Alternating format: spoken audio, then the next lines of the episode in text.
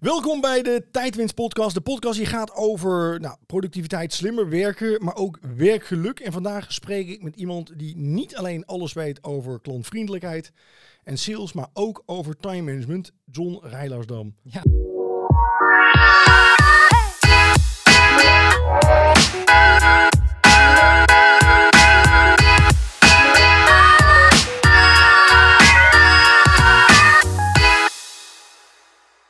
Dankjewel, eh, Björn. Wat een intro, hè? ja, leuk om hier te zijn. Ja, ja. mooi. Hij leuk dat je hier bent. Ehm, jij bent trainer bij ons, maar je hebt ook een hele geschiedenis in de sales. Trap eens even af. Wat heb je allemaal Klopt, klopt. Nou, zoals je misschien kan horen, jij weet het natuurlijk al, kom ik uit eh, de omgeving eh, Rotterdam. Eh, dan woon je dicht, dicht op de haven. Dus Ja. dat was ook een logische plek om mijn carrière te beginnen. Heb ik een aantal eh, jaartjes eh, zo in rondgelopen in de logistiek. Eh, maar ik had altijd al een affiniteit met, met auto's en techniek van kinds af aan. Dus ik Ja. wilde heel graag autoverkoper worden.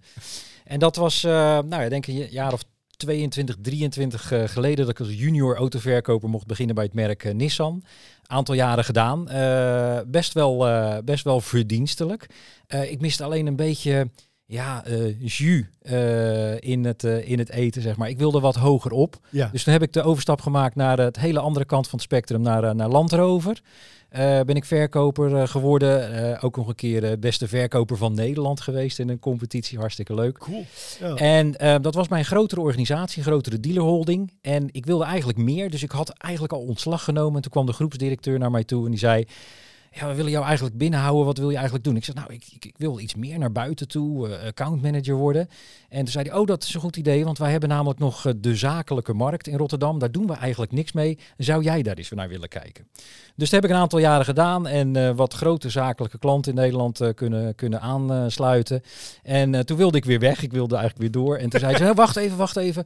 We hebben ook nog een positie open. Je mag ook manager worden van de verkoop van alle nieuwe auto's die wij, die wij doen. Dus daar eh, begon ik mee en eh, ook dat ging weer, eh, ging weer redelijk, redelijk goed. Alleen op een gegeven moment kwam ik erachter dat ik eigenlijk, ik vond het leuker, ik vond het fascinerender over hoe mensen ja, bezig waren met hun tijd en hoe dat makkelijker en slimmer kon, zeg Mhm. maar. Dan dat ik echt nog heel erg gefascineerd werd van het, ja, het pushen van sales. Hè? Ja. Het, het maken van aantallen, het maken van winst, dat deed mij eigenlijk iets minder. En toen ben ik, heb ik besloten om voor mezelf te beginnen in 2016. Paar jaar daarna ben ik nog even teruggevraagd door de grootste dealerholding van, eh, van Nederland om directeur te worden op een van, eh, van hun vestigingen. Dus dat heb ik ook nog heel eventjes gedaan. Maar toen wist ik eigenlijk wel zeker dat ik, eh, dat ik gewoon freelancer wilde worden en, en de trainingen time management wilde geven. Ja. En de rest is history, zullen we zeggen. maar, maar ik heb wel een beetje het idee dat jij dat, dat willen weggaan een beetje strategisch meerdere keren hebt ingezet om eens... Het was Als- dus zo van, ja nee John, ga niet weg. Ja, Wacht, we- ja, je krijgt ja. promotie. Nee, ik kan je verzekeren dat dat absoluut niet het geval was. Maar ja, zoals als je terugkijkt op je leven, dan sommige dingen die, Ja. die komen dan gewoon eh, eh, op het moment dat ze, dat ze nodig zijn. En ik denk dat het, zo, eh, dat het zo gegaan is. En zo heb ik iedere keer een nieuwe kans gekregen. En toch wel ja, verschillende aspecten van dat, van dat verkoopvak, maar ook het aansturen van mensen in de verkoop eh, Ja. gezien. Nee, want ik zie dat, ik herken dat wel. En ik denk dat, dat veel luisteraars ook, eh, bijvoorbeeld in het MKB, eh, maar ook in grotere organisaties, het herkennen ze van, ja, als je iemand eh, binnen hebt waar je heel tevreden over bent en die gaat op een gegeven moment weg, ja, dan, dan wil je uiteraard die niet kwijt. eh, en je wil hem ook dan mogelijkheden bieden eh, of haar om, om zich verder te ontwikkelen. En maar je wil natuurlijk ook dat die kennis eh, gedeeld wordt over, nou in jouw geval over hoe pak je dan die sales effectief aan of Ja. nou, er liggen nog andere uitdagingen misschien die je kunt oppakken. Hè, ehm, wij komen natuurlijk als, als trainers komen we bij allerlei verschillende organisaties. Wat ik zelf altijd wel een, een uitdaging vind, is als je echt te maken hebt met van die echte salesgroepen. Ehm, eh, eh, omdat dat ja, toch wel een doelgroep is die ik vaak niet heel erg georganiseerd vind. Eh, en jij, jij komt uit de autoverkoop, maar ik heb dan wel bij, bij sales heb je eh, de- toch in de time management een beetje zo het ehm, eh, de, de, karikatuur van de, de used car salesman die gewoon vlotte praatjes en dan hè, eh, misschien een net wat de fout pak en dan proberen een deal te sluiten en dan gewoon over de, ja, de schutting te flikkeren bij anderen. Nou, en zoek het maar uit. Ja. En, en dat zijn mensen over het algemeen die zijn heel erg ehm, eh, eh, gericht dan op scoren. En eh deal sluiten, over de schutting flikkeren en dan hoe- zoekt de rest het maar uit.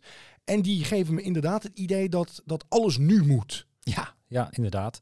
Ja, je omschrijft een beetje het stereotype Ja. verkoper. Eh, en misschien herkennen mensen dat ook wel als je bij een, eh, een autodealer naar binnen komt en, eh, en je bent echt serieus om een auto te kopen. Dan gaat zo'n verkoper aan. Hè, dan is hij ineens eh, beschikbaar voor je. Maar ben je dat niet, hè, ben je nog een beetje oriënterend, dan denkt hij van nou, ik besteed mijn aandacht wel, wel ergens anders aan. Ja. En ik denk dat het goed is om te realiseren dat, ehm, eh, dat in dat vak, hè, dat, dat typische stereotype wat we hebben, ja, dat klopt soms, klopt dat. Maar soms ook niet. Mhm. Ik, ik maak wel eens het vergelijk van ja, als je naar een huisarts gaat, je hebt ook hele goede huisartsen. Maar je hebt ook eigenlijk hele slechte huisartsen. Ja. Dus in ieder vak heb je mensen die heel goed hun werk doen, heel, of, of niet zo goed.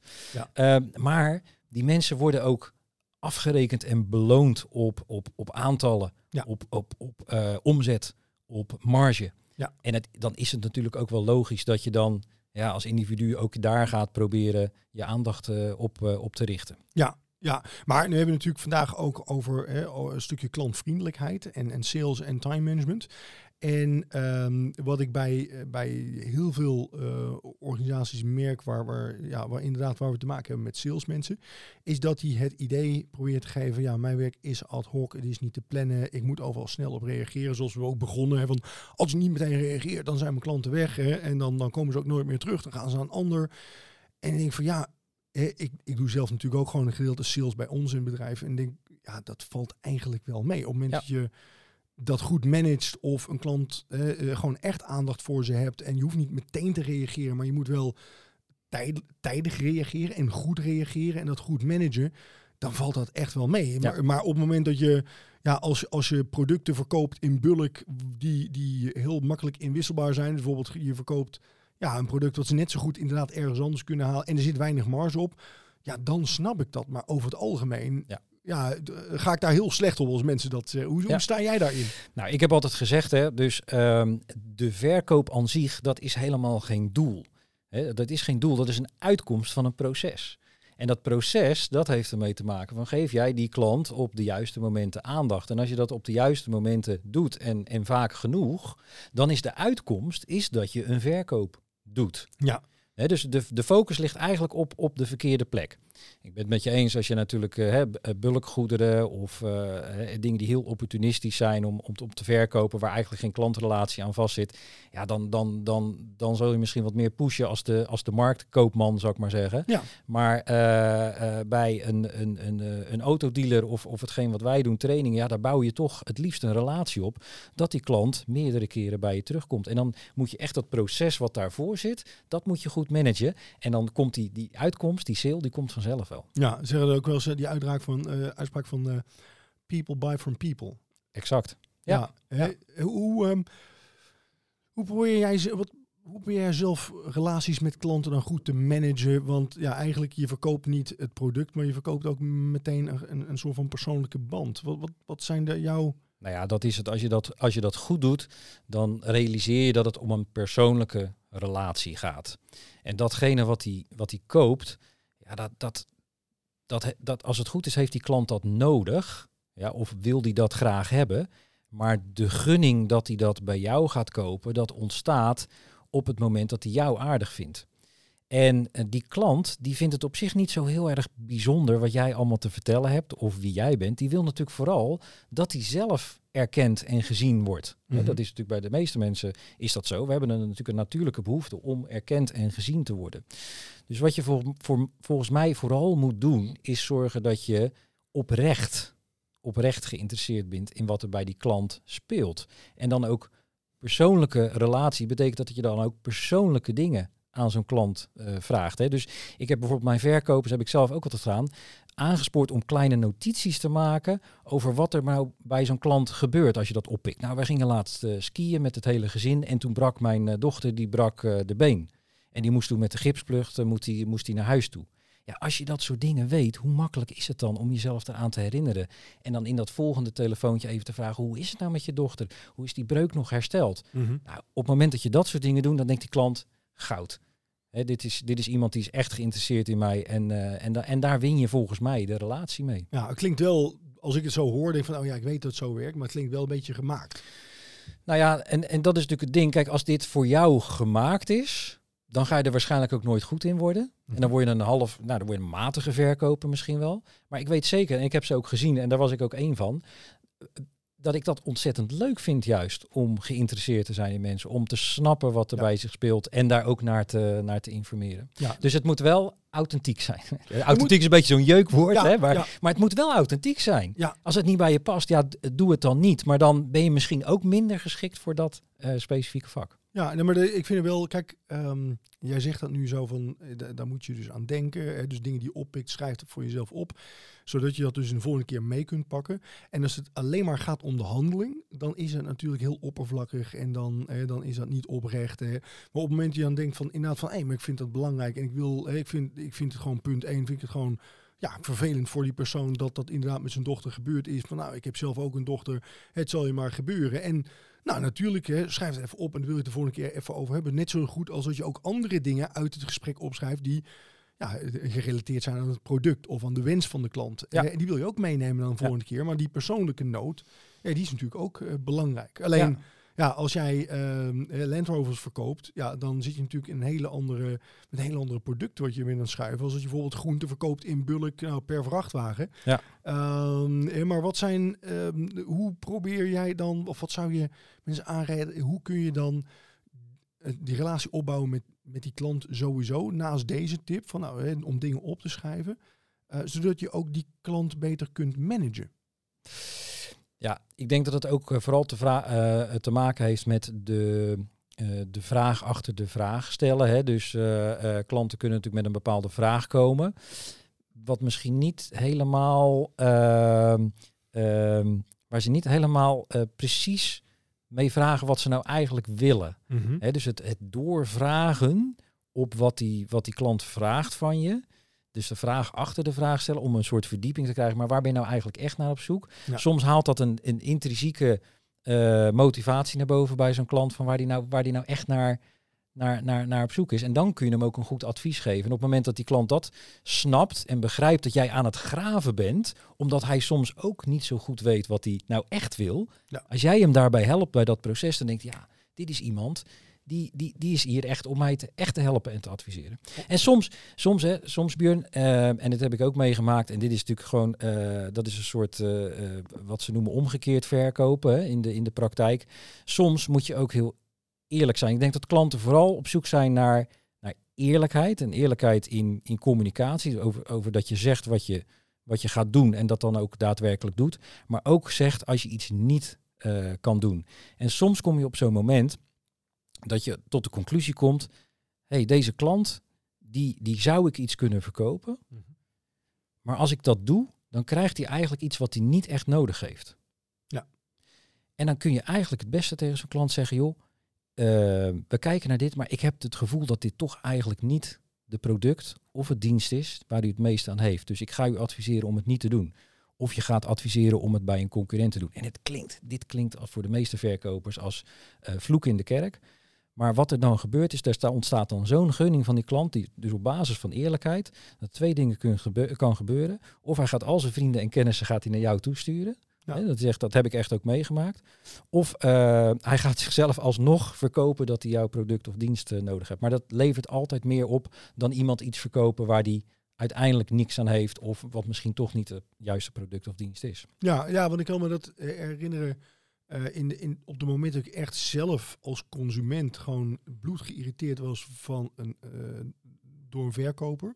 En dat is me eh, een paar keer gebeurd. En datgene wat me het meeste bijstond was bij de keukenkampioen. Ja, je gewoon echt, dan kom je binnen en dan ben je gewoon, ja, gewoon aangeschoten wild. Dat vond ik echt gewoon. je voelt je echt opgejaagd en het is allemaal zo gemaakt en allemaal zo. Ja, die zijn zo gebrand om te verkopen. Eh, ik werd daar gewoon bijna bloedlink van. Ja. Eh, denk van, ja, je gaat dan naar buiten en ze proberen gewoon per se wat aan te smeren. Ja. Eh, je komt gewoon om eens even rond te kijken en, en er wordt gewoon de hele tijd op je gejaagd. En je gaat dan naar buiten echt zo van, ja, wat een klote tent is dit. En je gaat ook echt letterlijk tegen iedereen zeggen van, joh, hier moet je gewoon echt niet zijn, vreselijk. Je komt een hoop adrenaline naar buiten. Ja. Maar ik heb het ook wel meegemaakt inderdaad, dat, dat iemand, eh, dat je in een soort kijkt, zegt van, nee, weet je, maar als je dit, eh, eh, als je hiernaar op zoek bent, dan moet je gewoon echt niet dit product kopen, dan, hè, dan zou ik nog even doorsparen en dan eh, kom dan nog een keer terug. Of ik zou inderdaad bij de concurrent gaan halen. Want ik, ja, en dan die oprechtheid. Ja, dat, dat is echt gewoon goud. En dan kom je het liefst nog terug. En inderdaad, wat jij nou net zegt, van dan gaan we alsnog naar die verkoop toe praten. Omdat ik dat gewoon zo sympathiek vind. Ja. Nou ja, exact. Dus jij omschrijft het eigenlijk al. Jij hebt dat meegemaakt. Ja. Ik maak dat zelf natuurlijk ook mee. En ik denk dat de mensen die naar deze podcast kijken en luisteren. Als je dat meegemaakt hebt, dan voel je bij jezelf wat er dan eigenlijk gebeurt. Hè? Ja. Dus je, je krijgt een, een, een, een echte eh, waardering Ja. eh, voor het feit dat iemand heel eerlijk tegen je geweest is. Ja. En da, ik, ik geloof oprecht, Björn, dat je dat gevoel, dat kun je niet faken. Hoe bedoel je? Nou, ik bedoel eigenlijk dat zo'n verkoper die niet oprecht, eh, die dit in zou zetten als een trucje, ik geloof dus dat je dat als consument voelt. Ja, ik, ik word regelmatig benaderd ehm, door mensen die ons wat proberen te verkopen. Ehm, en zo'n gesprek, eh, heel af en toe bel ik maar terug, maar meestal daar hebben we gewoon een secretariaat voor. Van nou, eh, ga je niet eens terugbellen. En af en toe bel je terug en dan merk je al meteen vanaf het begin dat zo'n zo'n gesprek heel fake is. Hè, en die beginnen ook wel met die vragen te stellen. Denk van, oh, volgens mij heb je gewoon een belscript bijna voor je liggen. Eh, dat heb ik ook wel eens face-to-face meegemaakt. Dat mensen echt geforceerd denken van, oh ja, je bent naar een cursus toe geweest en je hebt geleerd dat je die en die vraag moet stellen. En ehm, dat komt dan echt zo onoprecht over. Daar knap je gewoon compleet op af.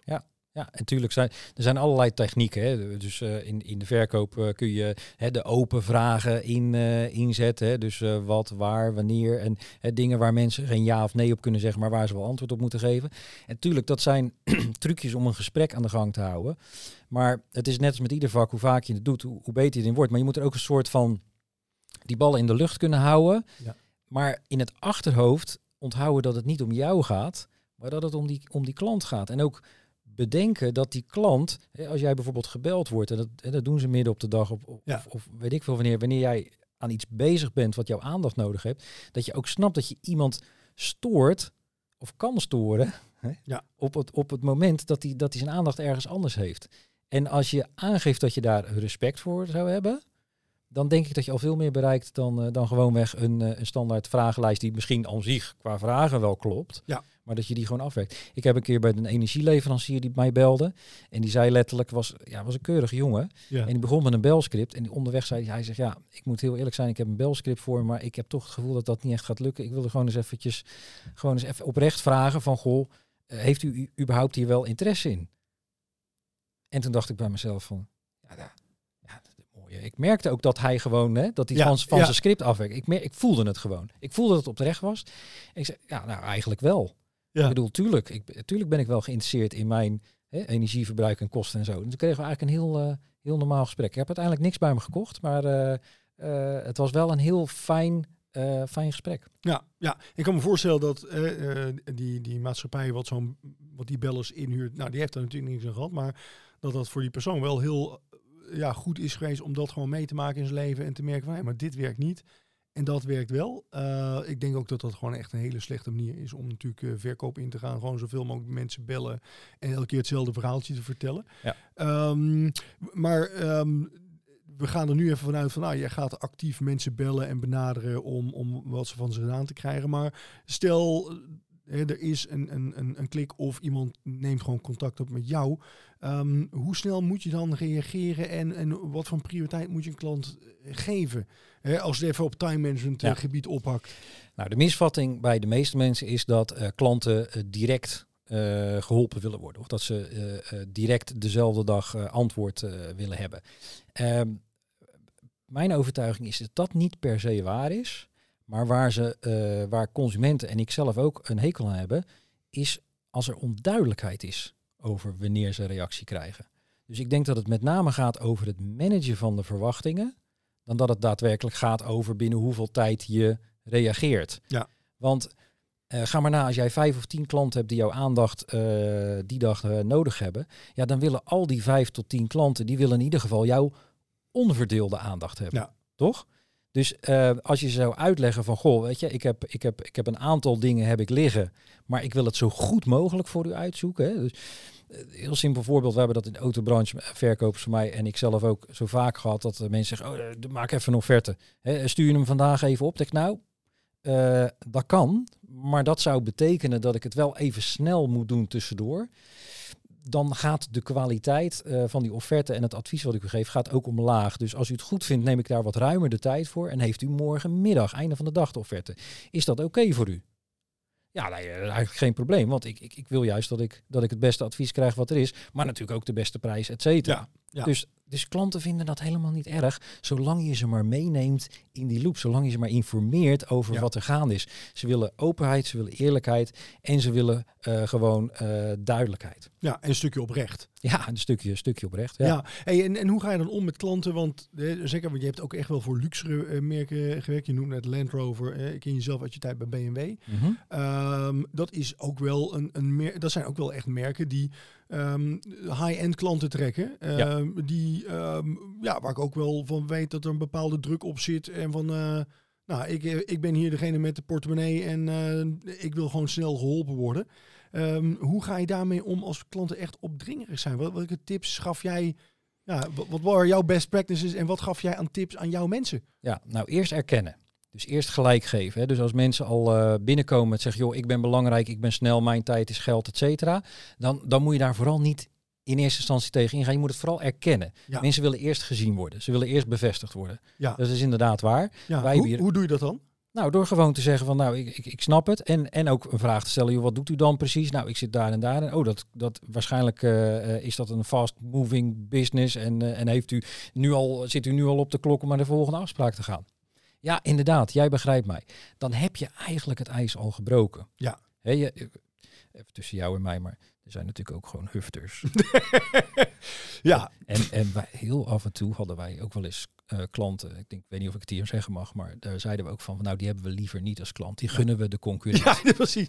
Dat zijn, die klanten die gun ik mijn concurrent van harte. Ja, ja. Soms, Ja. soms heb je die erbij, maar de meeste mensen die, die zijn zo niet. Ik, ik heb zelf gemerkt dat hoe duurder het product, Ja. eh, hoe relaxter eh, de mensen worden, hoe meer geld ze hebben. Hoe makkelijker het proces eigenlijk verloopt. Want het gaat ook niet meer om geld Ja. per se. Ehm, het gaat meer om, eh, om, om tijd. En, en als je hun tijd respecteert en je geeft duidelijk aan wat ze van je kunnen verwachten, ja, dan, eh, dan heb je een, eh, over het algemeen heb je een goede, goede dia- dialoog. Maar ga er niet tegen in. Nee. Mensen hebben over het algemeen eh, een hekel aan mensen die hun gelijk proberen te halen of er tegen in te gaan. En dat is natuurlijk wel iets wat verkopers vaak in de praktijk doen. Ja, ja. En dus, dus ehm, ja, als je zoveel eisende klanten, niet er tegen ingaan. En, en dan? En dan doen wat je, wat je belooft. En als je niet kan doen wat je beloofd hebt, hou ze dan op de hoogte waarom dat is. Ja, En, en, en wanneer je het dan wel gaat doen. ja. Ja. En ehm, is de klant dan altijd koning? Wij zeiden vroeger altijd, de klant is altijd koning als hij zich ook als een koning gedraagt. Oké. ja, ik zeg zelf altijd eh, bij ons van eh, de klant is koning, maar wij zijn keizer. ja, dat kan ook. Hè, dus dat is wel van, ah, niet van, inderdaad van als hij zich niet als een koning gedraagt. Dus hufterigheid, ehm daar merk ik zelf ook van, ah, ik wil mensen ook graag van een goed advies voorzien. Ik ben ook er niet op gebrand om iets te verkopen wat ik niet waar kan maken, waar ik geen kwaliteit kan leveren. Dus ik heb zelf altijd zoiets van, ik word liever niet herinnerd dan slecht herinnerd. Ja. Hè, want, want dat kun je gewoon, dan kun je beter zeggen, nee sorry, maar dit is echt oprecht van, dit is niet wat wij doen. Maar die en die partij, die kan dat wel, hè, die is daar veel beter in. Eh, dan word je in ieder geval niet herinnerd omdat jij het probeert in te vullen, eh, inderdaad wat je net zegt, en dat je dan iets levert wat, wat net niet is. Eh, ehm, maar ehm, eh, uiteindelijk van eh, die klant die moet zich wel als, als een, als een, als een eh, ja, die is koning, maar die moet zich wel als een koning gedragen. Dus netjes, geen hufter. En uiteindelijk van ja, ik heb natuurlijk, jij ook, je hebt meerdere klanten. En ehm, als het een beetje goed loopt, dan heb je ook meerdere klanten, meer klanten misschien wel dat je aan kunt. En dan zul je ook gewoon keuzes moeten maken. Welke opdrachten pak ik wel en welke opdrachten pak ik niet? Ja, Is natuurlijk wel een luxe probleem wat, hè, wat, wat niet iedereen heeft. Maar in drukke periodes, ja, dan zit je al. En, en ik denk dat, ja, dat veel luisteraars dat wel herkennen. Is van als er altijd te veel werk ligt, dan zul je wel keuzes moeten maken. Ja, exact. En dat is natuurlijk, jij geeft eigenlijk al aan, dat is met klanten, maar dat is met, met alles eigenlijk zo. Hè? Dus als jij meer werk hebt dan waar je, waar je tijd voor hebt, ja, dan, dan kun je eens een keertje doorhalen. Hè? Ja. Je kunt eens een keertje eh, overwerken, maar dat kun je niet structureel. Dus op een gegeven moment zou je dan moeten beslissen van ja, wat dan wel en wat dan niet.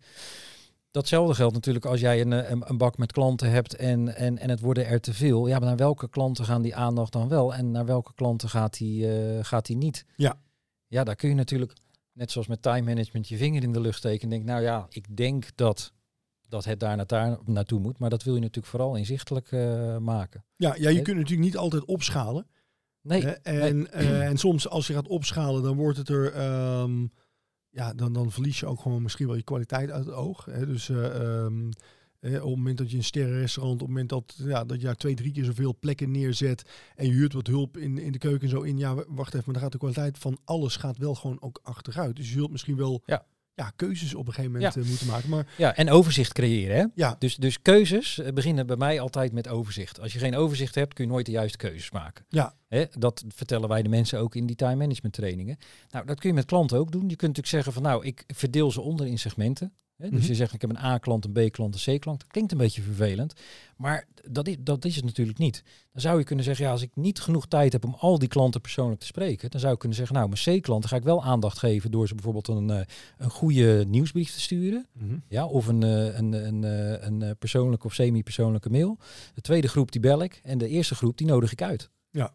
Hè, zo verdeel je je tijd, maar dan geef je wel de meeste aandacht aan de klanten die voor jou het meeste waardevol vol zijn. ja, ja, dus daar gewoon Als je keuzes moet maken. Eh, snap ik. Ja, en ehm, eh, wat ik zelf heel interessant vond, een heel aantal jaar geleden, Timothy Ferris van de 4-Hour Workweek, ken je vast wel. Ja. Eh, voor mensen die, die luisteren of kijken die daar nog nooit van gehoord hebben, die moet je echt gewoon een keer bekijken. Is een beetje zo de, ja, een van, van de, de godfathers van productiviteit, ja, denk je precies. wel. Die, Dat boek moet je sowieso gewoon moet lezen. je gewoon lezen. Klaar, Eh, klaar. Er eh, zijn een aantal boeken die moet je gewoon lezen. Daar staat één ja, eh, eh, nog een andere die kan aanraden. Nee, grapje. Ja, ja. We hebben nog een stapel liggen. ja, precies. nee, maar, ehm, wat, eh, nog, maar, maar dat is wel wat ik echt heel ehm chic vond van hem. Eh, hij vertelt dat over zijn eigen bedrijf destijds, Brain Quicken. Die uh, wilde heel erg was aan het groeien. En dat op een gegeven moment zei van nu moet ik gewoon keuze gaan maken in klanten. Ja. En dan ben ik gaan kijken van oké, het Pareto-principe erop loslaten. 80-20 loslaten van, ja, regel, 80-20. 20% van mijn klanten levert 80% van mijn omzet Ja. om. Wie zijn die klanten? Die verdienen ook gewoon 80% van mijn aandacht. Ja. En die andere 80% van de klanten, ja, die leveren maar 20% op.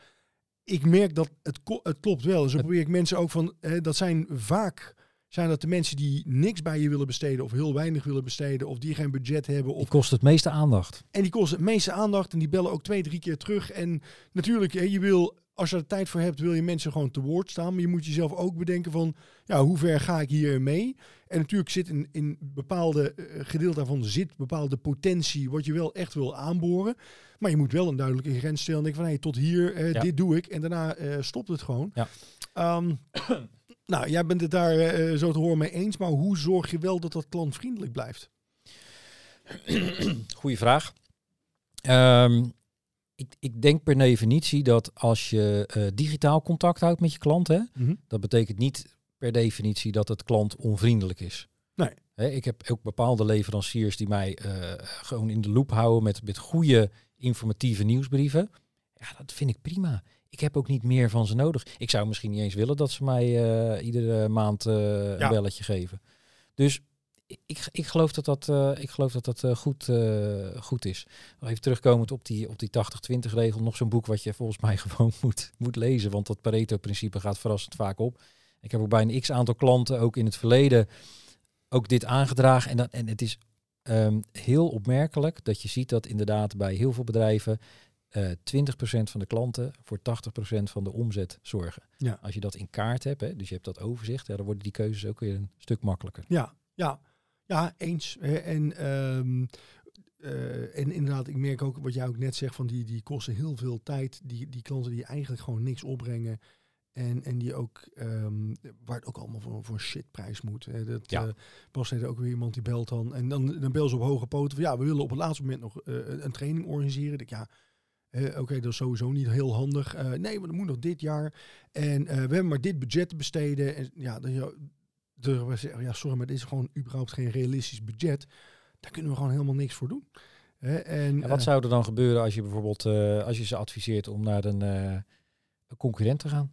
Nou, wat ik toen op dat moment geadviseerd heb, is dat ik ook zei van, eh, meneer luister, wat u hier, ik snap het probleem, ik snap de uitdaging, maar wat u hier aan budget heeft, dat is niet realistisch voor een eendaagse training. Ik weet dat wij eh, ehm, eh, gewoon marktconforme tarieven hanteren. Dus ehm, ik kan je wel wijzen naar een aantal concurrenten, maar ik weet dat die ongeveer hetzelfde zitten. Ehm, natuurlijk zul je wel iemand vinden die zit onder de prijs. Uh, maar dan heb je het over één pitters die, die alles een beetje doen. Ja, is dat de kwaliteit? Maar ik kan er niks voor betekenen. Nee.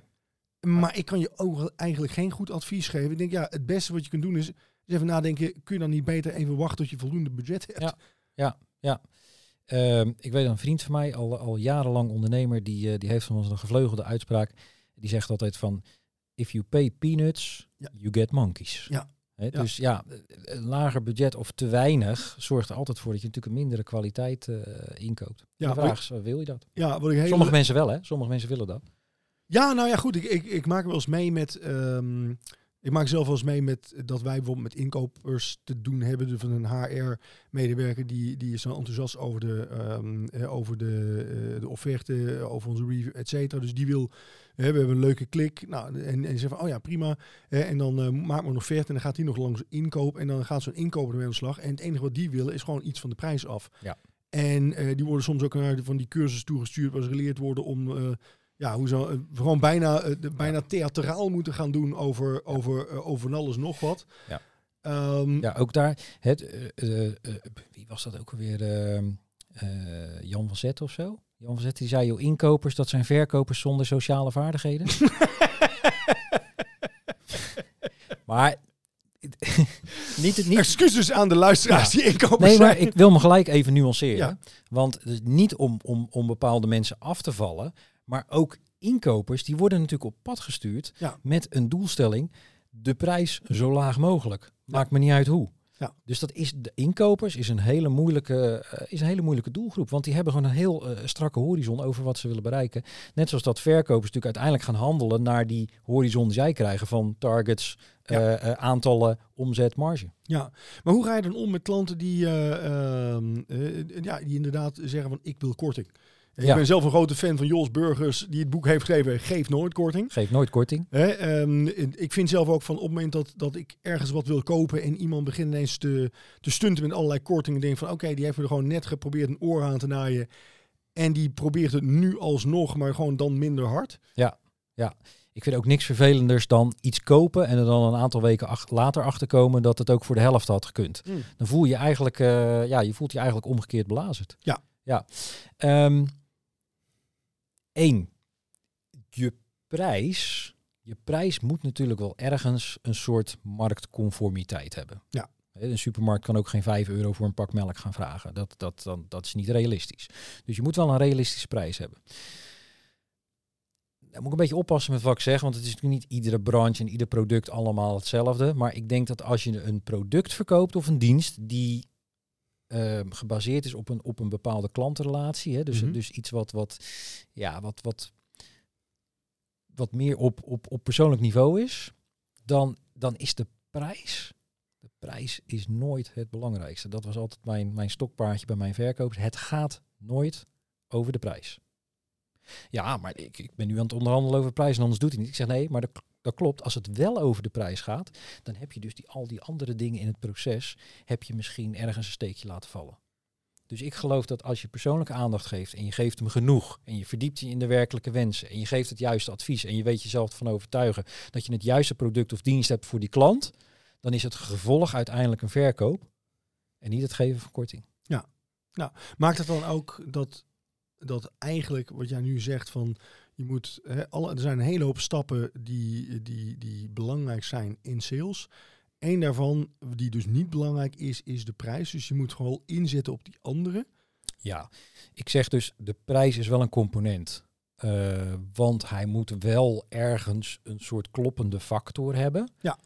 Maar je hebt, je, hebt, je hebt eigenlijk een reële waarde en je hebt een gevoelswaarde. En die gevoelswaarde die wordt beïnvloed door de, door de relatie en de dingen die je doet en zegt met zo'n klant. En als die gevoelswaarde hoog genoeg is, ja, dan, neemt die, dan neemt de bereidheid om een hogere prijs te betalen, die neemt ook toe. Ja. Be- Betekent overigens niet dat je dit altijd 100% goed kan doen. Ik heb natuurlijk ook wel situaties gehad dat zo'n zo'n weg naar zo'n verkoop toe, dat dat ja, een beetje anders verliep dan eigenlijk ideaal was. Ja, dan zit je wel over de prijs te onderhandelen. Nou ja, dan doe je dat een keer. Ja. En, eh, misschien geef je dan wel een keer korting. Of misschien ga je dan wel een keer door de knieën. Ook Ja. prima. Maar het gaat erom dat je wel bewust bent dat het verschil wordt gemaakt aan de voorkant. Het scoren van een doelpunt. Ja. ja dat is leuk. Dat doet die spits. Maar dan- die, die, die, dat toespelen, voorzetten en, en dergelijke. Dat moet wel allemaal kloppen. Anders kan Ja. die spits nooit scoren. En hoe ging jij dan, dan om met, met klanten ehm, die dan juist heel erg veel van jou vroegen? Dus eh, klanten waar, waar wel echt gewoon het nodige op de, ja, eh, waar, waar gewoon heel plat nodige op te verdienen is. eh, maar die wel heel veel van je vragen op gebied van bijvoorbeeld levertijden. Ja, misschien wel eh, prijzen juist of, of bereikbaarheid. Als, eh, eh, ik weet niet of je dat zelf ooit meegemaakt hebt. Of van die klanten die dan echt... Ja, zoiets hebben van, ja, je, John, als ik bel, dan moet je gewoon echt binnen, dan, wil ik gewoon binnen vijf minuten hebben dat je terugbelt. Nee, eigenlijk niet. Maar ik begrijp wel wat je bedoelt in die vraag. Ehm, eh, klanten die veel eisend zijn. Eh, nogmaals, ik begin altijd bij het begin. Er- ik herken ze eerst. Ja, ik herken ze eerst, wie, wie ze zijn, wat ze doen. En, en, en waarom ze druk hebben, et cetera. Het hele verhaal wat zij... ik, Joh, ik, ik, ik, ik zie je. Je bent er. Op het moment dat ze mij dan iets vragen... Ja, ik vond, ik vond dat een fantastisch proces. Want ik, ik, ik, ik, was, ik, ja, ik was eigenlijk nooit echt geïnteresseerd in die uitkomst. Die ziel die kwam vanzelf wel. Mhm. Maar ik vond dat hele proces vond ik gewoon leuk. Het is een soort avontuur, wat je een soort verhaal wat je schrijft met een klant. Ga dan over deliveren. Dus als een klant vraagt van joh, ja, ik betrek het dan eventjes op auto's van joh, eh, ik wil een eh, ander setje banden. Eh, Wat, wat, waar u dan trainen? Nou, ik denk aan die banden. Dan ging ik er ook nog drie andere sets naast zetten, bij wijze van spreken. Hè. Dus dan heeft u al die aan gedacht, want die hebben dit en dat. En ik heb ook nog dat uitgezocht en die hebben zus en zo. Dus in plaats van dat je juist gaat terughouden, Ja. ga je juist meer geven. Je geeft ze juist het gevoel van wauw, die, die, die, die, die, die, die levert eigenlijk meer dan dat, die, eh, dan, dat die, eh, dan dat ik vraag Ja, in dat ja, proces. ja. Wat dus ook gewoon ja, bijdraagt aan de relatie en het, vooral het vertrouwen. En ik denk dat het vooral, ja, dit is gewoon een stukje vertrouwen van die fix dat voor me of die, eh, en die is Ja. eerlijk tegen me. En eh, Ja. Ik, en als je dat een paar keer gedaan hebt, zo'n relatie, en je hebt dan een langdurige relatie en die mensen komen bij je terug, ja, die, die gaan zoveel makkelijker, gaan ze jou het vertrouwen blijven geven om dingen voor hun te regelen. En dan kom je met een bepaalde eh, prijs en, de, en dan zeg je, joh, dat is goed, want ik, ik weet dat jij het altijd goed regelt en Ja. ik weet dat je eh overdelivert, dus ik vind het allemaal prima. Ja. Dus, dus echt, ehm, en ze zeggen ook wel eens eh, in zo'n in zo'n verkoop, in het proces, hè, 7 tot 14 contactmomenten die je nodig hebt om uiteindelijk eh, het vertrouwen van zo'n klant eh, te winnen. Ja, ik denk dat dat wel, eh, dat dat wel klopt. Heel Ja. praktisch. Ik heb eh, mensen die luisteren, die, die iets aan verkopen doen. Eh, en ik denk dat je het zelf ook al meegemaakt hebt, dat je iemand gaat opvolgen. Dus je gaat iemand eh, nabellen, maar je krijgt hem niet te pakken. Dan stuur je hem een mailtje, reageert hij niet. Ja. Bel je hem nog een keer, nog geen reactie. Ja. Op een gegeven moment denk je, hij wil me niet spreken. ja, Nou, hou nou wel vol totdat die persoon gezegd heeft dat hij dat niet wil. ja, Want ik heb, ik heb een x aantal keren in, in mijn carrière meegemaakt dat ik uiteindelijk toch die persoon spreek. Ik ben zo blij. Ik ben zo blij dat je vol blijft blijven houden. Ik, ik had het zo druk. Ik, ik kon echt even niet. Ik ben zo blij dat je bent blijven mailen en bellen. ja. Dus nou, ik heb dan zelf ook altijd van, ja, weet je, hij zal wel niet willen. Hè? En eh, wat wij inderdaad doen, is, is na een aantal keren, dan hebben ze van, nou weet je, nu gaan we er niet meer achteraan, want het wordt nu misschien vervelend. En als we gewoon niet meer achteraan gaan, dan is de kans bij ons, in ieder geval in onze sector, als ze het over een tijdje alsnog willen, dan komen we vanzelf weer boven tafel. En dat is natuurlijk ook waar. Maar er zijn ook een aantal gevallen dat je gewoon wel even vast moet houden en Ja. wel contact moet blijven zoeken. De vraag die je alleen moet stellen is: oké, eh, hoeveel van dit soort gevallen heb ik tegelijkertijd? En is het verstandig om daar een x hoeveelheid tijd aan te besteden? Dus wederom, ja, eh, als jij allerlei offertes uit hebt staan. En, en, maar je hebt niet meer in de gaten hoeveel het er eigenlijk zijn en waar het precies over gaat. Ja. ja, dan kan het natuurlijk zomaar zijn dat je heel veel tijd in een offerte gaat steken die misschien toch niet doorgaat. Ja. Of die misschien maar heel weinig oplevert. Ja. Dus het is natuurlijk wel belangrijk om ten alle tijde natuurlijk te kijken van goh, waar moet mijn aandacht, eh, waar moet mijn aandacht naartoe? Maar soms is volhouden juist wel een, eh, wel een heel goed idee. Ja, ja maar de- dan brengt ons eigenlijk vanzelf... Ja, en maak dat makkelijk voor jezelf, dat proces. Hè. Er zijn natuurlijk allerlei tools tegenwoordig om dat, om dat makkelijk voor jezelf te maken. Nou. Je hoeft niet overal met je, met je fiets eh, achteraan te, te rijden en eh, brieven te sturen. Dus bijvoorbeeld een goed CRM-systeem. Ja, precies. Dat was net wat ik wilde zeggen. Nee, maar dat is wel inderdaad van... Kijk, wij... ehm, in time management, ik vind het gewoon belangrijk, je moet overzicht hebben van wat ligt er allemaal. En dat je van daaruit kunt kiezen wat heeft prioriteit op het moment dat niet alles tegelijkertijd kan. Juist. En bij, eh, bij eh, sales vind ik dat ook van, van joh, eh, in sales vind ik gewoon heel belangrijk dat mensen ook daar de zaken op rijtje bestaan. Dus welke klanten heb ik allemaal tegelijkertijd openstaan? Eh, wat, is, ehm, eh, eh, wat is de kans dat iets doorgaat? Wat is de omzet die daarop te behalen valt? Dus dat je kunt zien van ja, hoeveel kan ik hier, waar, waar ligt voor mij de prioriteit? Geef ik de belangrijkste klanten ook de juiste aandacht? En dat merk ik vaak dat, dat bij heel veel organisaties dan zeggen van, hey, hebben jullie een CRM-systeem? Van, ja, ja, dat is iets wat we moeten bijhouden, want dat moet. Ja. Ehm, maar dan merk je eigenlijk gewoon van dat ze daar niet echt gebruik van maken. En als je kijkt met iemand naar zijn lijst in zijn CRM-systeem, van nou, dit zijn de projecten die eigenlijk open staan, dan weet ik al gewoon van, nou, dit is niet bijgehouden, dit is niet compleet. Eh, de acties staan er niet in, bezoek hè, of gespreksverslagen staan er niet in. Ja, joh, hoe wil je dan voor jezelf kunnen scoren? Dan snap ik ook dat als een klant op een gegeven moment belt, dat je die als eerste moet oppakken en meteen moet handelen. Want Ja. je hebt gewoon heel veel steken al laten vallen. Ja, ja. Joh, een timmerman met een half garen hamer en een lege booraccu of eh, boortol. Ja, die gaat zijn werk ook niet, eh, niet goed doen. En dat is natuurlijk precies hetzelfde voor, eh, voor een verkoper. En, en in, in die zin, exact wat jij omschrijft, dat is exact, exact hetzelfde als een kenniswerker die, eh, die gewoon een takenpakket heeft en een, en een budget van acht uur per dag waarin die werk verzet eh, moet krijgen. En als wij meekijken met iemand eh, en we kijken naar een inbox, een agenda en een takenlijst, dan zien we eigenlijk al gelijk wat er aan de hand is. Is het chaos en overzichtelijk, Ja. onoverzichtelijk, of is het overzichtelijk en vertelt het je ook gewoon in één oogopslag waar je aandacht naartoe moet? Ja. En dat is wat een, wat een goed CRM-systeem voor een verkoper kan doen, moet doen. Het moet je leven makkelijker maken. Ons time management systeem maakt je leven makkelijker. Het proces van overzicht houden en keuzes maken, daar wil ik zo min mogelijk tijd en energie aan besteden. Daarvoor heb ik een systeem. Ja. En dat is met verkoop precies hetzelfde. Het overzicht houden en keuzes maken waarop als eerste mijn aandacht naartoe moet, dat wil ik in één overzicht zien. Ja, en ik, ik vind zelf gewoon zelfs volstrekt legitiem als een behoorlijk deel van je tijd gaat zitten in het bijhouden van het systeem. En het nalezen oké, wat zijn mijn opties en wie kan ik vandaag allemaal gaan bellen en even kijken van, nou, wat, wat hebben we de vorige keer al besproken. Ik, ik maak het echt wel eens mee dat ik dan, eh, nou, eh, misschien wel een derde of de helft denk van, oh nee, wacht, dit gaan we doen in de volgende week. En ik maak er even notitie bij, om bepaalde reden, omdat ik denk van, het is nu niet handig om dat te doen. Er gaat misschien wel meer tijd in zitten om daar dan weer even doorheen te lopen en even te bedenken, wat is nou, eh, wil ik dit vandaag doen of zet ik het toch door? En welke zijn die wat ik vandaag moet oppakken? Uh, maar het is wel de enige plek waar ik moet kijken. Ja. En, uh, en ik weet ook gewoon van, nou, daar schrijf ik gewoon ook alles in wat ik de laatste keer besproken heb. Of waarom dat ik het nu wil of nu niet wil doen. Zodat ik het, als ik het over twee maanden tegenkom, die actie, dat die ook gewoon echt voor jezelf klaar ligt. En dat eigenlijk, ja, Björn nu een soort van instructie achterlaat Ja. voor Björn later. Waar Björn later gewoon niet meer weet wat Björn nu daarmee bedoelde. Ja. Eh, eh, Als, als het niet goed omschreven stond. Ja, precies. Ik noem het wel als je, to- je toekomstige zelf. Hè? Ja, Dus eh, ik denk je, je, je huidige zelf, die overschat volkomen wat jouw toekomstige zelf nog allemaal weet van nu. ja, precies. Hoe slim dat Ja, die- ja, die is hoe dom jouw toekomstige zelf wel niet er is in de tussentijd is er weer zoveel gebeurd dat jij de complete context die je nu nog weet, in de toekomst niet meer weet. Dus, dus het is extreem belangrijk dat je goed realiseert van ja, hoe gaat mijn toekomstige zelf daar nou mee om? Ja, Hè? ja. En, en, en wat wil die dan zien om echt herinnerd te worden aan, aan, aan, aan de essentie waar dit over gaat? Ja, maar ik voel, eh, ik moest ik zag een videootje eh, van, van eh, iemand die 's ochtends wakker werd na een avond stappen, gewoon compleet brak. En dat gewoon mac and cheese, eh, macaroni, gewoon in, in de koelkast klaar stond voor hem. En dat, dat ze van, eh, hij heette Brian, zo van, eh, zo van, eh, en zo van, eh, had, had ook een briefje erbij, eh, lag erop. En dat was door zichzelf geschreven. Zo van, eh, hier, hier zul je morgen vroeg wel zin in hebben. En dan daarbij groetjes, Drunk Brian. En dan had hij zo van, van Hangover Brian loves Drunk Brian. Zo van, van, oh ja, ik wist gisteravond, maar stel, schijnbaar in een zatte, zatte bui als hij van, nou weet je, dit heb ik morgen vroeg nodig. En dan moest ik zo over lachen. En denk van, ja, maar dit is precies waar, waar een goed time management systeem, een goed CRM systeem om draait. Zo van, Exact dat. Hè, van van als er dus niet meer dan een brakke nacht door ertussen zit, maar gewoon echt maanden, dan weet Ja. je niet meer.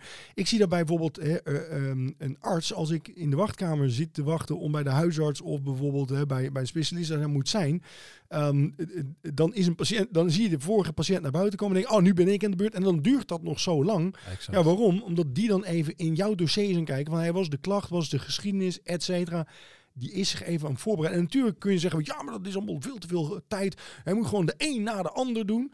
Nee, ja, maar, dan, maar dan dan gaan moet we je, weer. ja, maar dan moet je wel allemaal die administratie smiddags gaan doen. En dan moet je smiddags bedenken, oh ja, wat hebben we met die patiënten allemaal besproken? Context weg. En dat is exact hetzelfde met een verkoper. Die Ja. overschatten ook altijd wat ze, wat ze zelf kunnen onthouden. Want ja, het is zoveel gedoe om eh, dat systeem te vullen. Maar je wilt toch ook niet de volgende keer bij je huisarts komen en zeggen... "Joh, en eh, hoe is het nu met je schouder? Ja. Schouder? Schouder? Ik had last van mijn voet. Ja. Oh, ja, dat was die andere. Ja, Ja, precies. Maar, dat- maar dat is wel Ja, inderdaad... Dan denk je ook bij jezelf, nou deze huisarts, ik weet het niet. Maar Ja, volgens mij moet ik een ander zoeken. En dat is natuurlijk met verkopen precies hetzelfde. ja, maar dat is echt van... Hè, eh, het voor- en nawerk is gewoon hartstikke belangrijk. En dat zorgt ervoor dat je dus niet altijd ad hoc hoeft te reageren eh, op alles, omdat je an- op andere plekken steken hebt laten vallen. Ja. Ja, Ja. dus eh, hey, en ehm, ja, hoe, hoe profiteer jij zelf daarvan? Want, want jij, naast het feit dat je training geeft, eh, ben jij ook echt bezig met CRM-software zelf, hè, eh, Ja. beroepsmatig.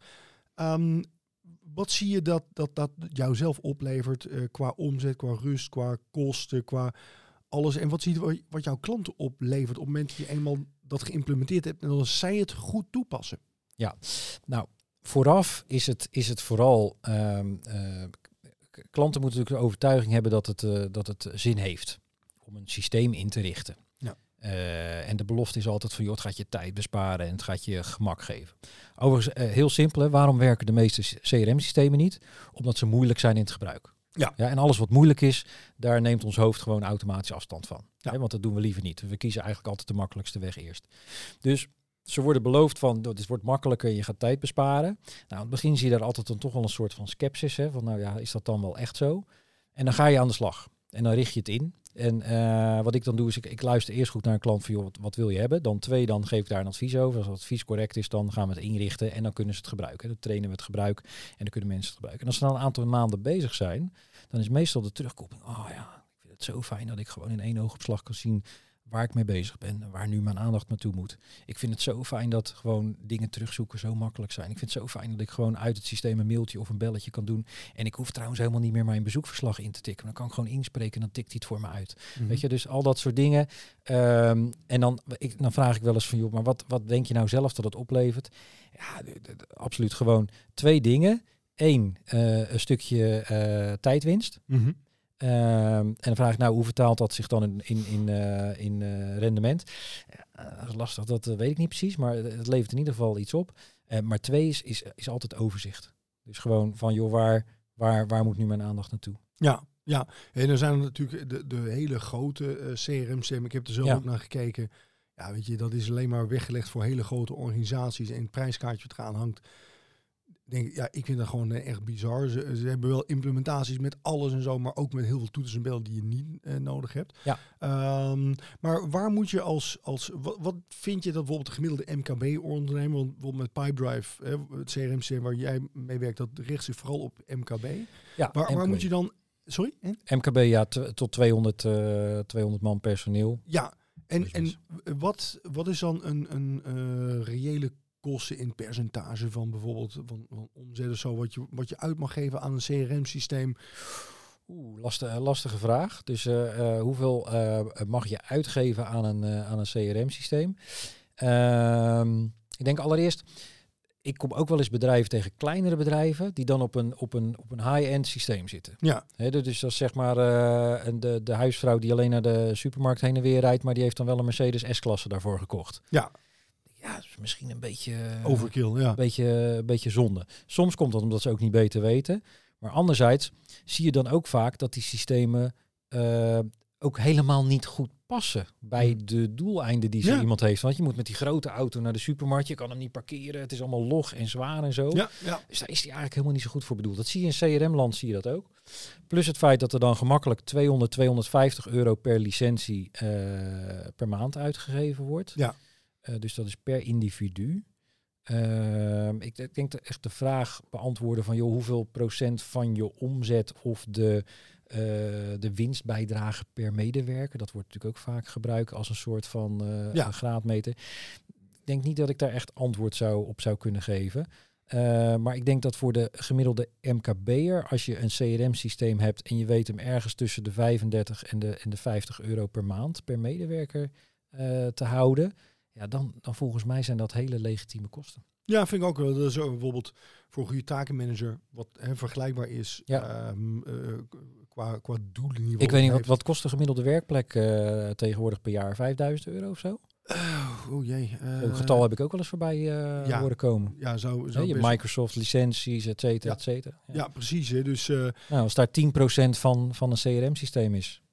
Ja, wat je in staat stelt om gewoon goed je werk te doen. ik van, nou, daar is helemaal niks mis mee. Maar En als jij verkoper bent, en dat is je werk, en je hebt een hè, 10% van die, van, die, eh, van die kosten van een werkplek is voor een CRM-systeem waar je uiteindelijk veel tijd mee bespaart en, eh, en succesvoller kan Ja.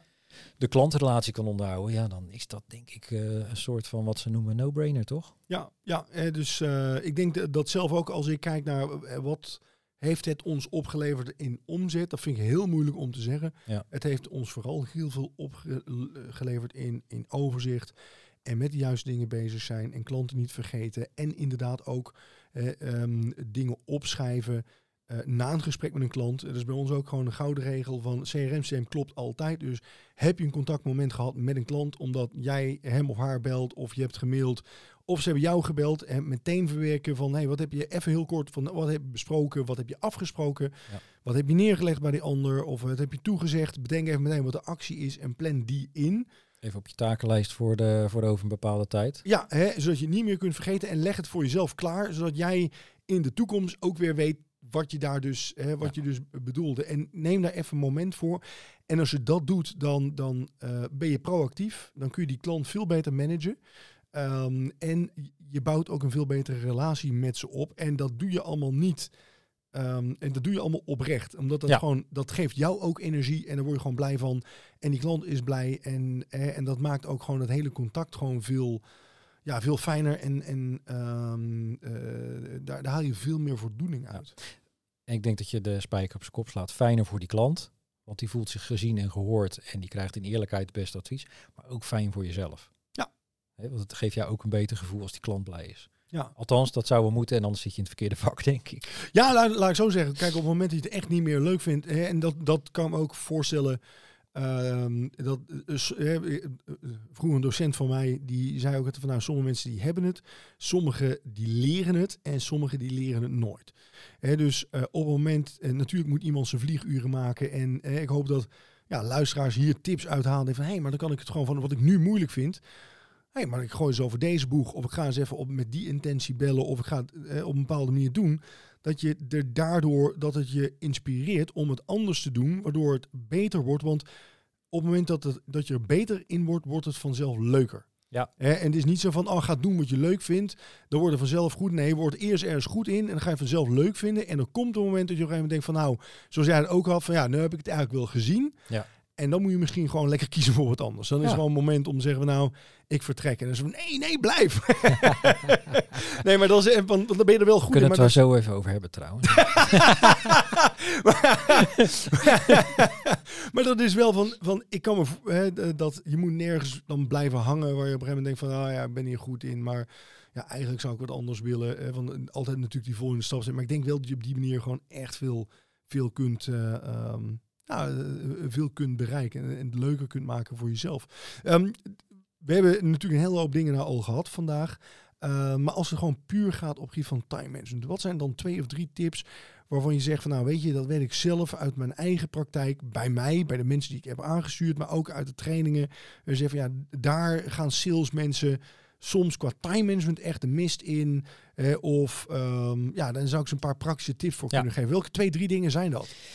Eén, Ehm, ik denk, ehm, en dat hebben alle mensen, het is heel makkelijk om op de waan van de dag mee te gaan. Hè? Dus gewoon reactief te handelen ook op hetgeen wat als laatste binnenkomt. Ja. Nou, ik denk dat gemiddeld, hè, laten we ze niet over één kam eh, eh, scheren, maar om even makkelijk te houden, dat salesmensen zeker mensen zijn die vinden dat ze overal direct op moeten reageren. Maar dan schiet je als een pingpongbal door de dag heen. Ja. Eh, kom je er aan het einde van de dag achter dat je nog wat, nou ja, wat klussen hebt liggen, Maar ja, je was als een pingpongbal heen en weer gegaan, dus de energie heb je niet meer. En uiteindelijk schuif je die klussen door naar morgen. En op een gegeven moment heb je zo'n takenlijst die iedere keer langer wordt. Dus tip 1 is naar mijn idee altijd, doe de grote dingen eerst. Doe Ja. de grote dingen eerst op de dag, de grote klussen. Wanneer je nog de, meeste mentale energie hebt. Ja? Ja. En probeer dan om, zeg maar, ik probeer altijd eigenlijk 's ochtends voor tien uur helemaal klaar te zijn met het maken van offertes en het nabellen van klanten. Dus we hadden bijvoorbeeld de, de regel, de 10 voor 10 regel. Hè, bel 10 klanten voor 10 uur. Ja? Op het moment dat je dan beschikbaar bent de rest van de dag voor nou ja, alle input die dan eh, binnenkomt, een beetje afhankelijk van wat je doet natuurlijk, dan ga je daar veel relaxter mee om, want je weet dat je niet nog al die dingen nog moet doen. Ja. Eh, dus dat is één. Begin met, eh, met de grote, grote dingen eerst. En probeer dan je dag, zeg maar, steeds gedurende de dag je, je, je taak steeds kleiner te maken. Wanneer je die mogelijkheid hebt. Tip nummer twee, waar ik zelf ook erg van hou en die ik, eh, die ik gewoon heel vaak nog steeds zelf toepas, is bundel gelijksoortige taken. Ik ben erachter gekomen dat mijn brein het veel fijner vindt om gewoon vijf telefoontjes achter elkaar te doen, vijf e-mailtjes te sturen en vijf taken uit te voeren Mhm. dan die 15 dingen allemaal door elkaar heen te doen. Telefoontje, mailtje, taakje, mailtje, telefoontje, taakje. Ja. Dus bundelen van taken. Ja. Dat je brein bespaart op die manier energie, Ja. eh, maar je zit ook een bepaalde modus al, waardoor dus de kwaliteit ook gewoon een stuk hoger wordt. juist. Ja, dus het energiebesparing. Ik denk dat, dat mensen over het algemeen, dat zien wij natuurlijk vaak in trainingen, onderschatten. ehm, wat, eh, wat sommige dingen je aan mentale energie kosten. En als ik ze dan vraag van, goh, eh, heb je dan een onbeperkte hoeveelheid mentale energie op een dag? Nee, nee, dat niet. Ik zeg, dus daar moet je wel zuinig mee omgaan. En dan vind ik het bundelen van gelijksoortige taken, dat werkt veel fijner. Minder energieverbruik, maar ook hogere kwaliteit. En, en snelheid natuurlijk. Want, hè, want het schakelen van het ene en het andere, ja, dat kost je natuurlijk ook gewoon, eh, gewoon tijd. Ja. Dus ik denk dat dat mijn twee voornaamste tips zijn. Eh, drie, eh, puur op de klantenrelatie. Verleg de aandacht nou eens naar de ander in plaats van naar jezelf. Ja, en wat bedoel je daar precies, heel concreet mee? Wat, wat zie je mensen fout doen? Nou, mensen, verkopers zie ik vaak praten over eh, wat zij doen, wat ze hebben en waarom dat goed zou zijn voor de ander. Terwijl je juist eerst wil weten wie is de ander, waar heeft hij behoefte aan en hoe sluit dat aan bij wat ik te bieden heb. Ja. Nee, dus verleg die aan, aandacht nou eens eerst naar die ander toe en probeer eens te luisteren. Wie ben je, wat doe je, hoe heet je, waar zit je, waarom zit je daar, eh, wat heb je nodig, eh et cetera. Ja. En, en misschien één, één praktische tip die ik ooit eens van een leermeester van mij heb geleerd, heel lang geleden.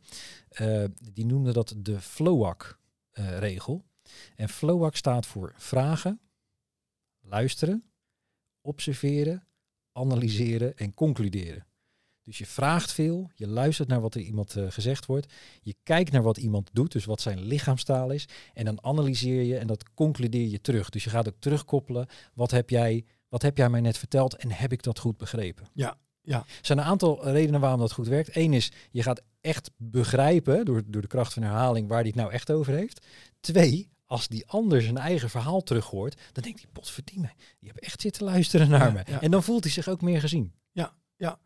Ja, plus, hè, eh, dan is het eh, ook nog van, ja, je kunt ook, ehm, buiten het feit dat dat natuurlijk heel persoonlijk overkomt, maar je, je, eh, op het moment dat er inderdaad ruis op de lijn is, want heel veel klanten, eh, eh, dat maak ik ook wel eens mee, die weten niet precies wat ze willen. Juist. En dus dan zeggen van, ja, wacht even, maar ik hoor je nou net dit zeggen, ik hoor je ook dat zeggen.